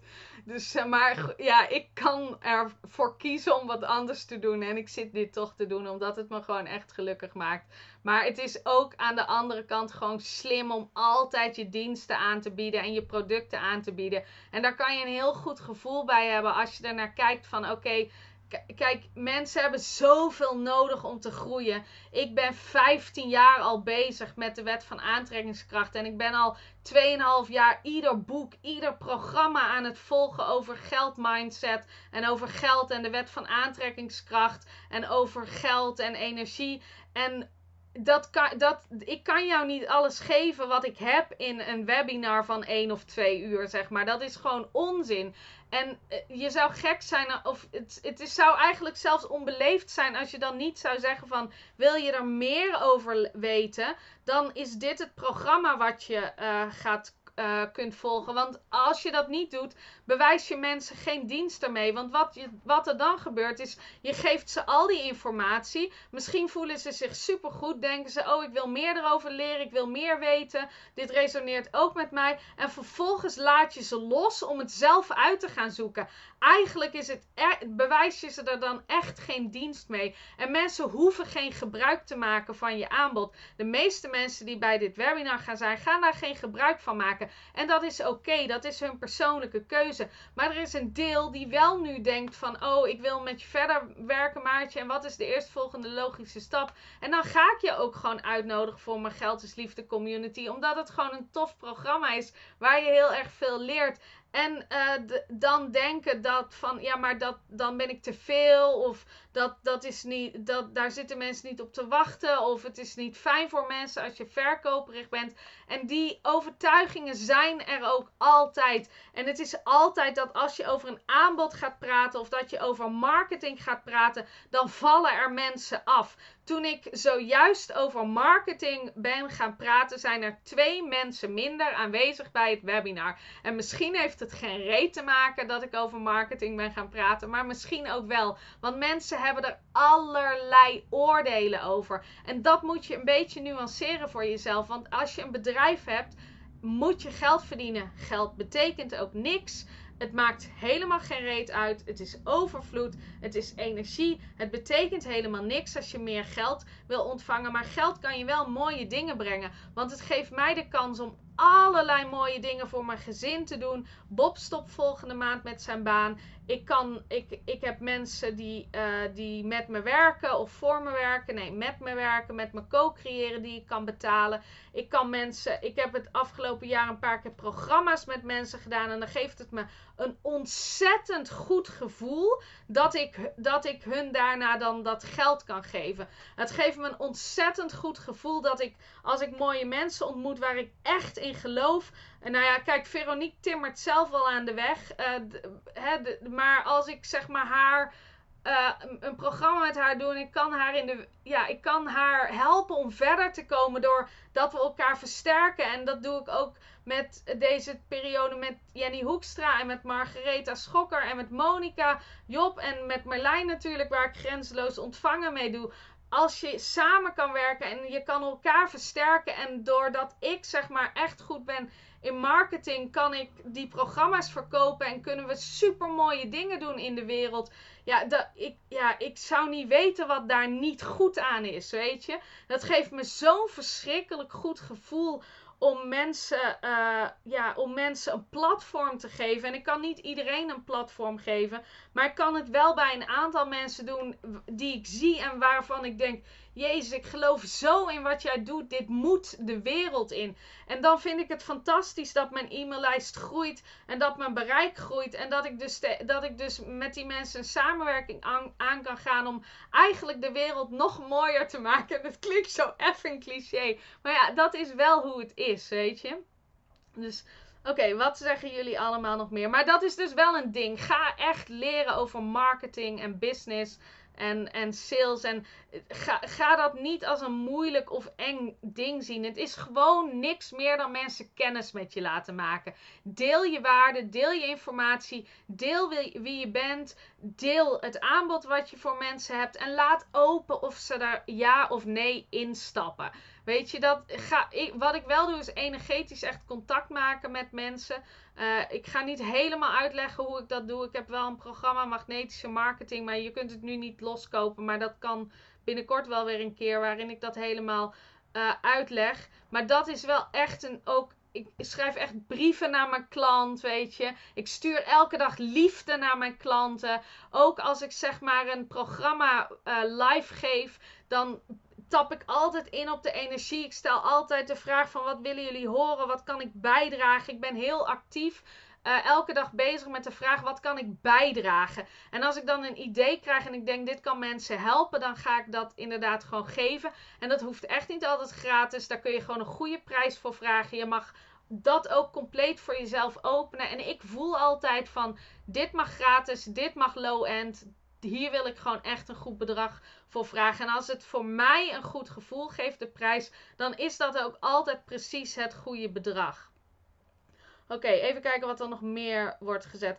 Heb je ook wel eens op het moment op het punt gestaan om het op te geven? Heel vaak. En ik, het is, gebeurt nog steeds één keer in de zoveel weken dat dit bedrijf me overspoelt. Vooral omdat het in het begin waren het andere dingen die me dan overspoelden. Elke fase brengt andere uitdagingen met zich mee. Maar dit wordt zo groot. Weet je, al die mensen die met je werken, al die mails die binnenkomen, al die vragen die binnenkomen. Uh, Facebook, ja, ik, als ik zeg maar een uur niet op mijn telefoon kijk, dan. Uh, uh, dan heb je, ik zal eens kijken, even kijken, van vijf verschillende mensen appjes, twee verschillende Facebook berichten. En even kijken. En dan heb ik het nog nagekeken voordat ik wegging. Maar bijna 40 nieuwe Facebook meldingen. En dat soort dingen kunnen me, kunnen me soms wel overspoelen. Dus ik moet echt mezelf aanleren als ik bijvoorbeeld een dag weg ben. Of ik ben op een event. Dat ik het ook echt los mag laten. Dat ik niet naar mijn mail hoef te kijken. Als ik mensen twee of drie dagen niet antwoord. Dat ik, me daar, dat ik daar echt vrede mee heb. Want anders kan ik dat bedrijf niet uh, runnen. En vooral niet omdat het allerbelangrijkste om een bedrijf te runnen is toch dat er in de eerste instantie geld binnenkomt. En meestal verdien je geen geld met de bijzaken en met het beantwoorden van de e-mails, zeg maar. Dus ik moet er heel, ook heel consequent in zijn om juist iedere dag echt de contentcreatie, de sales, de marketing, waarde bieden in lopende programma's, uh, communicatie, dat soort dingen, om dat voorop te stellen, uh, mijn boodschap te delen, waarde te leveren. Uh, en dan pas met de details bezig te zijn. Omdat je, wat de meeste mensen doen, is ze gaan heel erg met de details aan de slag. En daarna gaan ze pas aan de slag met de dingen die echt belangrijk zijn. Zoals de marketing, nieuwe klanten, weet je.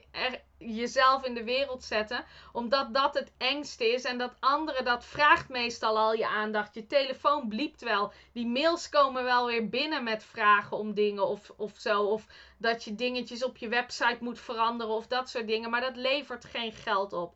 Dus ja, heel vaak heb ik het op het punt gestaan om het op te geven. Nog steeds wel eens. Maar meestal ben ik gewoon heel blij en heel dankbaar dat ik dit mag doen en kan doen. En ik, ik weet ook dat ik het niet kan opgeven. Ik kan niks anders doen. Dit is gewoon mijn weg. En dit is mijn pad. En als ik eh, op het punt sta om het op te geven, dan komt dat alleen maar omdat ik ergens uh, contrast meemaak. En dat er andere verlangens zijn die uh, geboren willen worden. Dus uh, dat, dat, daar zit dan alleen maar een boodschap voor mij achter. En als ik daar achter kom, dan kan ik weer, kan ik weer verder.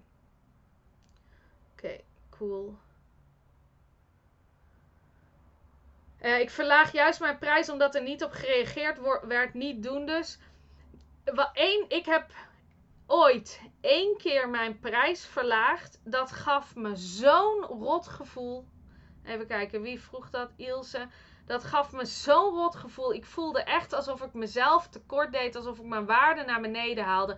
En het ligt nooit aan de prijs. Of mensen iets wel of niet kopen, dat ligt niet aan de prijs. Dat ligt eraan aan of zij uh, er vertrouwen in hebben dat ze het resultaat halen. En Veronique Prins zegt dan altijd: als je niet investeert in dit programma, of nou ja, hè, tuurlijk, er is een vrije wil, niet iedereen investeert, bla bla bla bla bla.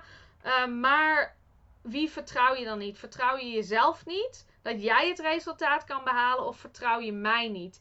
En dat is meestal de eer, nummer één reden waarom dat mensen niet instappen. Omdat ze er geen vertrouwen in hebben dat ze het resultaat halen. Dat ze denken dan investeer ik weer ergens in. En al die andere dingen hebben me ook niks opgeleverd. Of uh, ja, want het is altijd een stretch. Niemand heeft stapels geld op de plank liggen. Dat moet altijd ergens vandaan komen.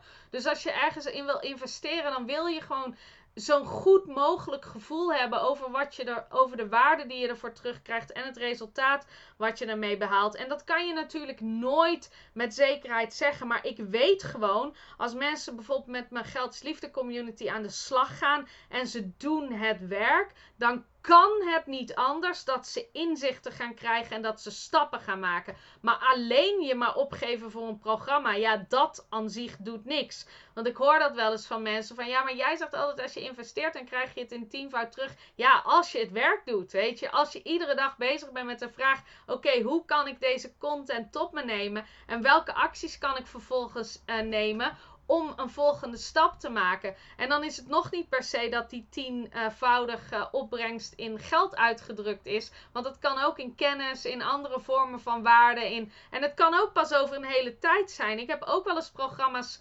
gevolgd die ik pas later af ben gaan maken. Of dat ik wel de kennis in me nam, maar nog niet de acties deed. En het nog een paar keer van andere wegen moest horen. En het dan pas later implementeerde. En dat het me toen pas geld opleverde. Dus dat heb je. Dus nee, ik zou niet. Kijk, al mocht het zo zijn dat je echt voelt dat je die prijs moet verlagen en dat je dat, dat het echt licht voelt. Kijk, dat kan. Maar, maar check dat heel goed bij jezelf. Weet je? Check dat heel goed bij jezelf. Als het is uit angst, omdat je bang bent dat mensen het niet kopen, dan gaat het niet werken. Als jij voelt dat dat gewoon echt is wat afgestemd voelt, dan is het een, andere, een ander verhaal. Maar um, check dat. Even kijken. Jullie leveren een online product. Ik niet werk in groepen. Dat maakt aanbieden van producten lastig. Of zie je dat als hetzelfde? Ik zie het als hetzelfde. Voor mij is het hetzelfde als uh, of ik nou een event verkoop of mijn, uh, mijn live coaching of een online product. Dat, dat, dat is precies hetzelfde. En als ik bijvoorbeeld uh, Boeddha's zou verkopen, dan zou het precies hetzelfde zijn. Ik zou hier een heel webinar kunnen houden over uh, mijn reis als ondernemer. En dan zou ik aan het einde van de dag tegen je kunnen zeggen van luister eens, wat echt heel belangrijk voor me is en heel waardevol voor me is. En wat me heel veel heeft gebracht in mijn onderneming. Is dingen waar ik, waar een bepaalde intentie, waar ik een bepaalde intentie heb gestopt. En waar, die ik op mijn bureau kan zetten. En waar ik dan naar kan kijken. En dat verhoogt mijn vibratie. En dat geeft me een goed gevoel. Ja, ik, echt. Dit is Oké, ga erom lachen. Maar uh, en en ik, ik hoor zeg maar hoe. Want het, is, het komt natuurlijk helemaal niet van binnenuit. Want het is maar een verkooppraatje. Dus ik zou het niet verkopen. Maar ik zou het kunnen. Begrijp je wat ik bedoel? En dan zeg ik bijvoorbeeld van ja. Want ik heb hier dit ding op mijn bureau staan. En blablabla. En dus hè, ik gun jou natuurlijk hetzelfde. Dus als je dan dit ding koopt. Dan krijg je hetzelfde resultaat. En nogmaals. Ik voel dat niet. Dus daarom klinkt dit verschrikkelijk nep. En kan ik het ook niet verkopen. Maar als ik het echt zou geloven dan zou ik het wel kunnen verkopen. Begrijp je? Dus dat maakt echt niets uit. En dan zou ik een blog kunnen schrijven en dan zou ik nog steeds mijn ervaring, mijn belevenis, mijn inzichten kunnen vertalen naar een fysiek uh, product. Mits ik er echt 100% achter sta. Want waar ik niet achter sta, dat kan ik niet verkopen. Dan, dan voelt, want nu voelt dat ook, dat voelt totaal niet afgestemd. Dus dat zou, dus dat zou, uh, maar goed, jij doet dingen die afgestemd voelen. Dus maakt echt niet uit, Pauli.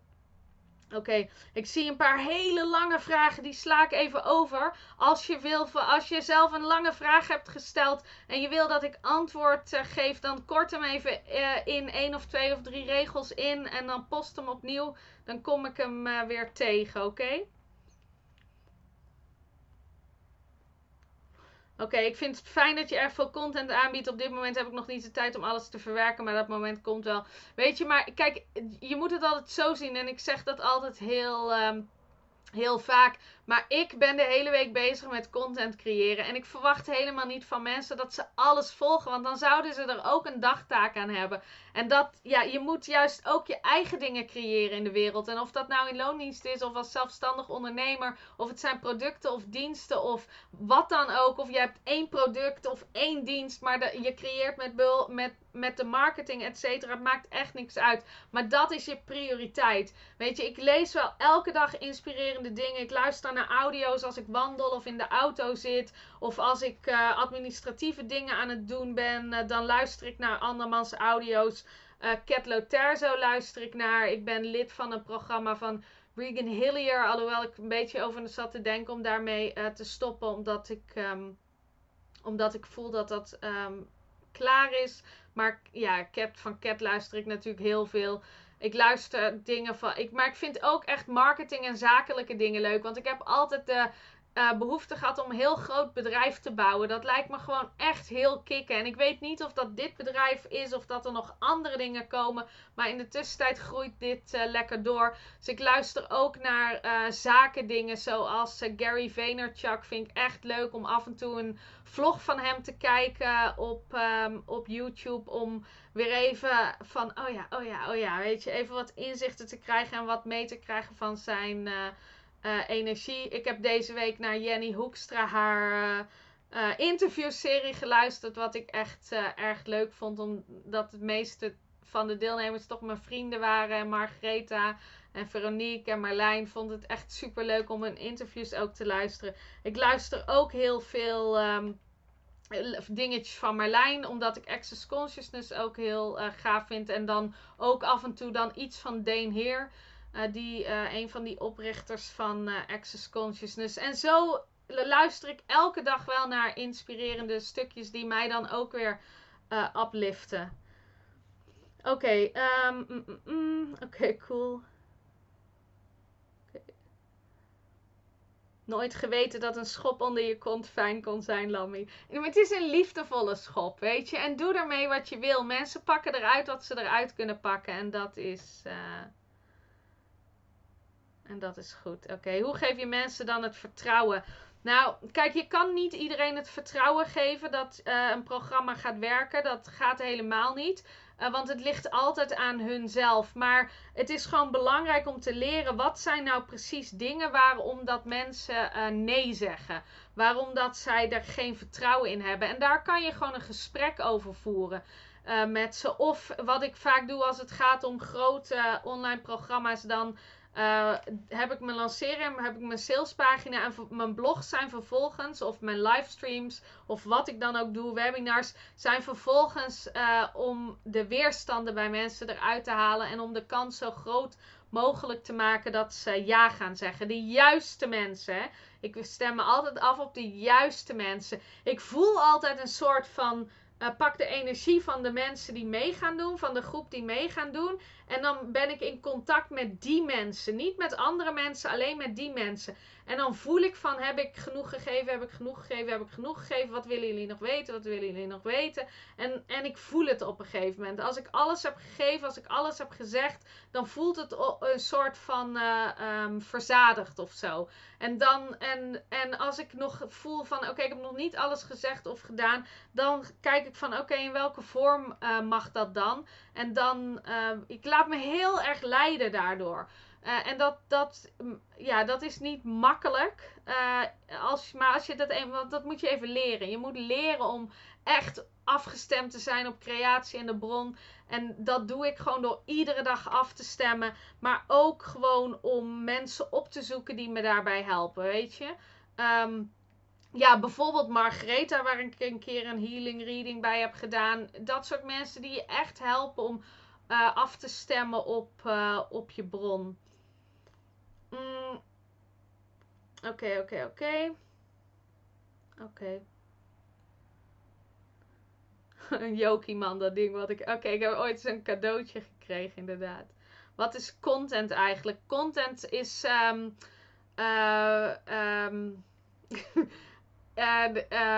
waarde in de vorm van ehm, eh, inhoud, zeg maar. De content van een boek, de inhoud van een boek. Dus een webinar is content, een vlog is content, een blog, een podcast, dat soort dingen. Uh, lange Facebook berichten, dat soort dingen zijn allemaal content. Eh, echt gewoon de content van een programma, de content van een boek, de content. Dus dat is de inhoud. Dus dat noemen mensen content. Ik zal het niet helemaal goed definiëren, maar hopelijk goed genoeg. Oké. Kijk, en hoe zorg je ervoor dat mensen vertrouwen krijgen op het resultaat? Kijk, daar kan ik natuurlijk nog wat meer dingen over zeggen. Want sowieso, we, kijk, als je mensen leert kennen, dan ga je leren wat ze nodig hebben. Ik weet gewoon heel goed wie mijn klant is, wat ze nodig hebben, omdat ik zelf daar ook doorheen ben gegaan. En dan maak ik de kans wel zo groot mogelijk dat ze hun doelen bereiken. Kijk, een voorbeeld. Ik ben nu bezig met dat programma met Marlijn. Ik ben heel actief in de groep. Ik ben, hè, want dat is maar zes weken. Dus dan, ja, kijk, als mensen echt niet hun tijd en hun energie investeren, dan kan je er niks aan doen. Als mensen er niet zijn, kan je ze niet helpen. Zo simpel is het. Maar voor de mensen die er wel zijn, uh, kan je hun vragen beantwoorden. Kan je, en ik voel ook aan de energie van wat mag er gezegd worden, wat mag er gedaan worden. En dan hou ik bijvoorbeeld extra livestreams uh, naast de wekelijks. Um, wekelijkse modules uh, die we geven. En zo ben ik en vragen beantwoorden in de Facebookgroep. En heel erg kijken wat, wat willen ze bereiken. En hoe kan ik daartoe bijdragen. En zo geef ik het vertrouwen dat ik mensen daarmee help. En um, hoe geef je mensen het vertrouwen dat ze het kunnen? Is dat ik bijvoorbeeld ook heel veel vertel over mijn eigen proces. Over wat voor mij dan lastig is daarin. Want voor mij is investeren net zo lastig als voor ieder ander. Alleen omdat ik het heel vaak al heb gedaan, weet ik wat er voor nodig is om eruit te halen wat erin zit. En dan zal ik mensen dat ook vertellen en zal ik ze daarbij helpen. En ook dingen als, kijk, er komt altijd zo'n moment als je met een programma bezig bent, dat je het even niet meer ziet zitten. Of dat je het op wil geven. Of dat je gaat twijfelen of je wel de goede keuze hebt gemaakt. Ook dat hoort er allemaal bij. En als je al die dingen bespreekbaar maakt, dan krijgen mensen het vertrouwen van: oh ja, zo werkt dit. Zo werkt het proces van investeren. Zo werkt het proces van leren. Zo moet ik alles eruit halen wat erin zit. Ik deel met mensen, ook als ze lid worden van mijn programma's. Uh, deel ik met ze van dit is uh, zo bereid je je voor op succes. Dus dit zijn de stappen die je kan nemen om alles uit dit programma te halen wat, er, uh, wat erin zit. En, daar, en elke keer als je vragen hoort van mensen, of ik luister altijd heel goed naar mijn klanten, dan weet je gewoon: oké, ehm, dit, dit moeten ze leren, dit moeten ze leren, dit moeten ze leren, of dit, dit moeten ze horen. En dan ga ik daar gewoon informatie over geven. Oké, ik voel vaak letterlijk alles tegelijk te moeten doen. Zoveel wil ik en is nodig om te doen. Hoe ga je daarmee om?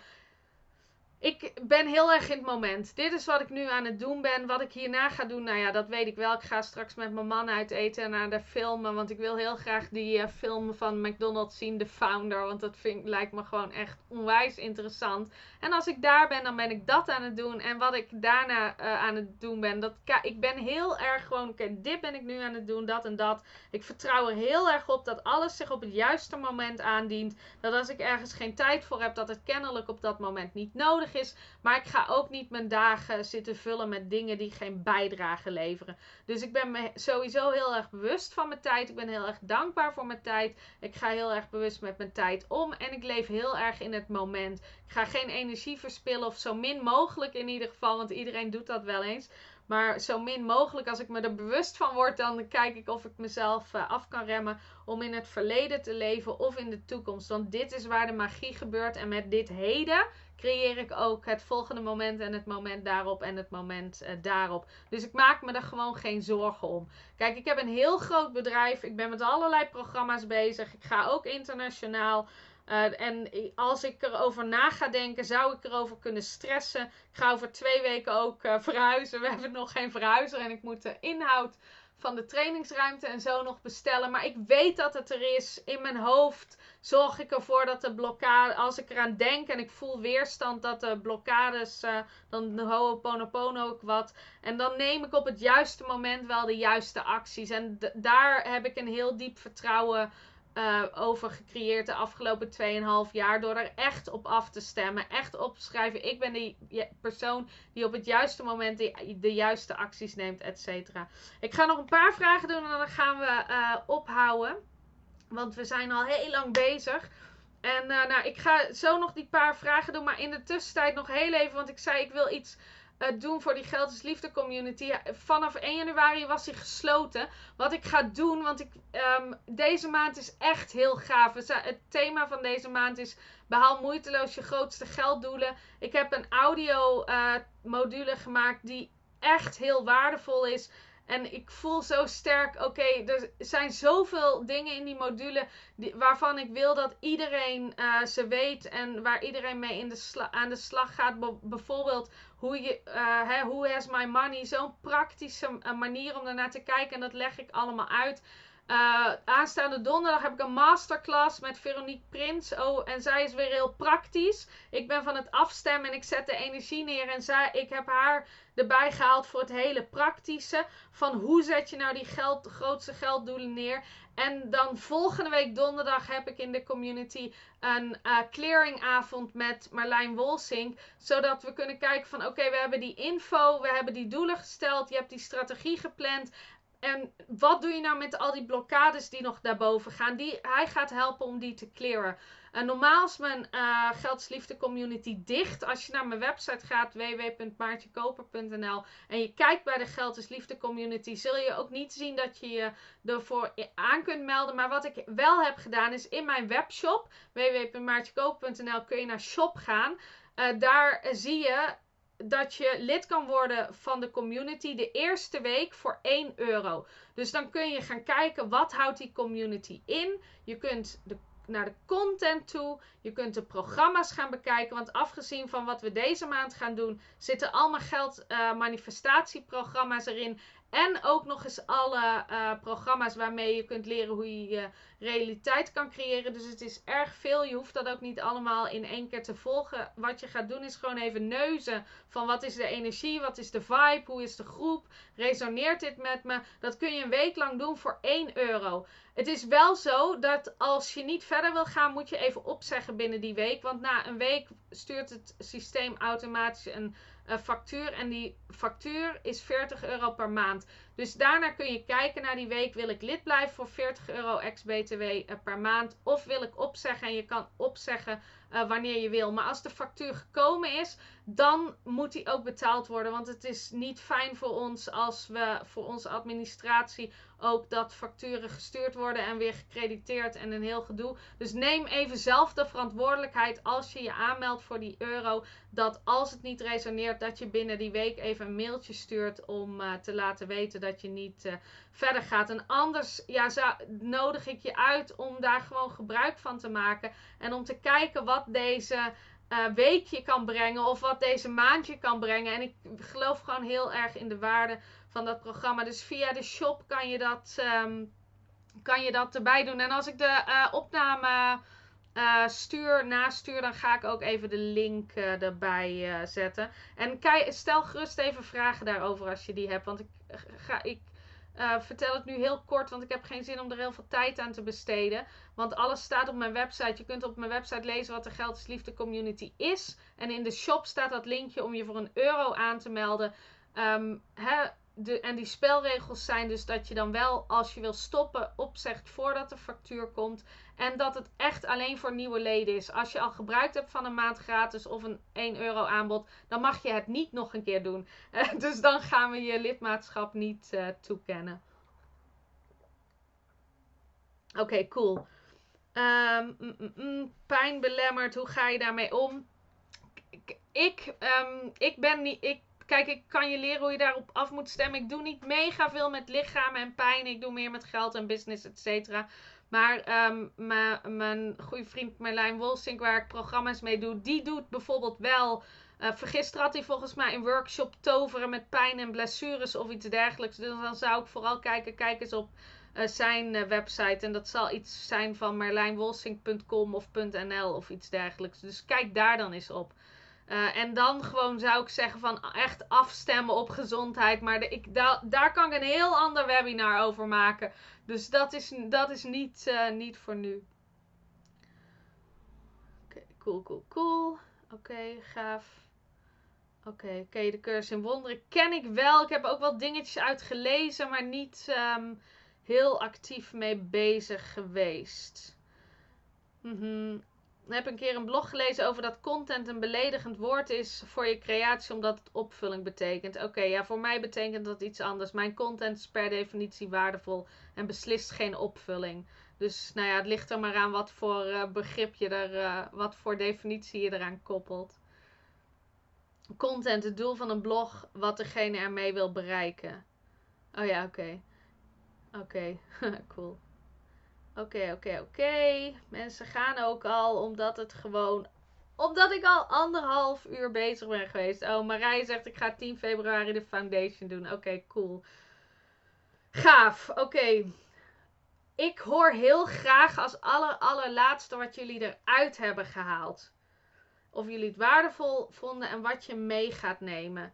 En laat me ook even weten als ik je terug ga zien in de community. Vind ik leuk. Typ dan iets in en dan kan ik alvast, uh, kan ik alvast vieren dat ik je ga zien daar. Ik wacht heel even. Soms zit er een kleine vertraging tussen. Maar ik ben gewoon heel benieuwd naar wat jullie eruit hebben gehaald. En daar sluiten we dan even mee af. Afstemmen, afstemmen, afstemmen, afstemmen. En nog eens afstemmen en dan doen, doen, doen. Precies. Afstemmen en actie. Dat is inderdaad ook een van mijn programma's geweest vorig jaar. Diepste verlangen volgen, heel waardevol. Ga hem terugluisteren omdat ik het soms niet bij kan houden. Ja, ik heb ook heel snel gepraat. Want ik dacht, ik wil gewoon zoveel mogelijk waarde geven in een korte tijd. dus ik heb gewoon heel snel gepraat. Anders kan ik denk ik de hele middag inderdaad um, uh, praten. En ja, ik moet natuurlijk uit eten en naar de film. Dus zou mijn man ook weer niet leuk vinden. Mooie eye-openers. Energie is waardevol. Oké. Super dat je deelt hoe het was en hoe je begonnen bent. Ja, en ik heb, ik heb zeg maar in de Geldsliefde community ook een driedelige audio serie Mijn reis naar succes. ik geef er een titel aan. Ik moet soms ook zo om lachen.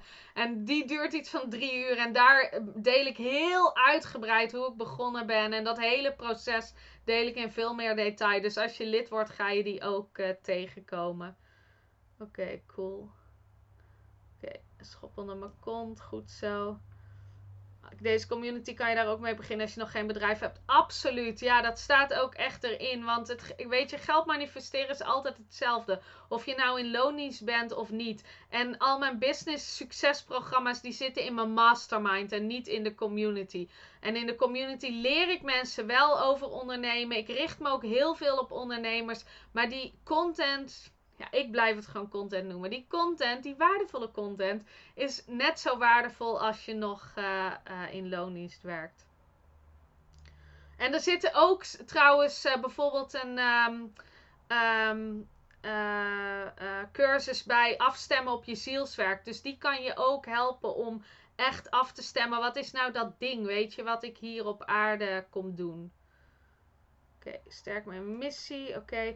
Luisteren naar jou kreeg ik opeens allemaal ideeën. Dus daar ben ik ondertussen mee aan de hand gegaan. En dat hoor ik zo vaak. Omdat ik opensta en ik ben zo in contact met mijn bron. En ik laat het stromen. Stevast tijden als mensen audio's van me luisteren. Of als ze QA's van me luisteren. Of wat dan ook. Dan krijgen ze ideeën. Ik hoor dat zo vaak. Het is echt heel grappig. Oké, cool, cool, cool door moet gaan, volhouden en vooral afstemmen. Precies. En gewoon lekker vertrouwen. Geef me vertrouwen in eigen bedrijf. Precies. Uw ding doen, niet laten weerhouden. Ja. Afstemdagboek. Ja, ja, ja. Cool. Ja, top. Oké, oké. Oké, cool. Oké. Ah, er wordt zoveel getikt. Ik kan het niet bijhouden. Maar ik vind jullie zo leuk. Oké okay, cool, cool, cool, cool. Oké, nou. Dank jullie wel voor jullie aanwezigheid. En um, tot heel snel. Doei!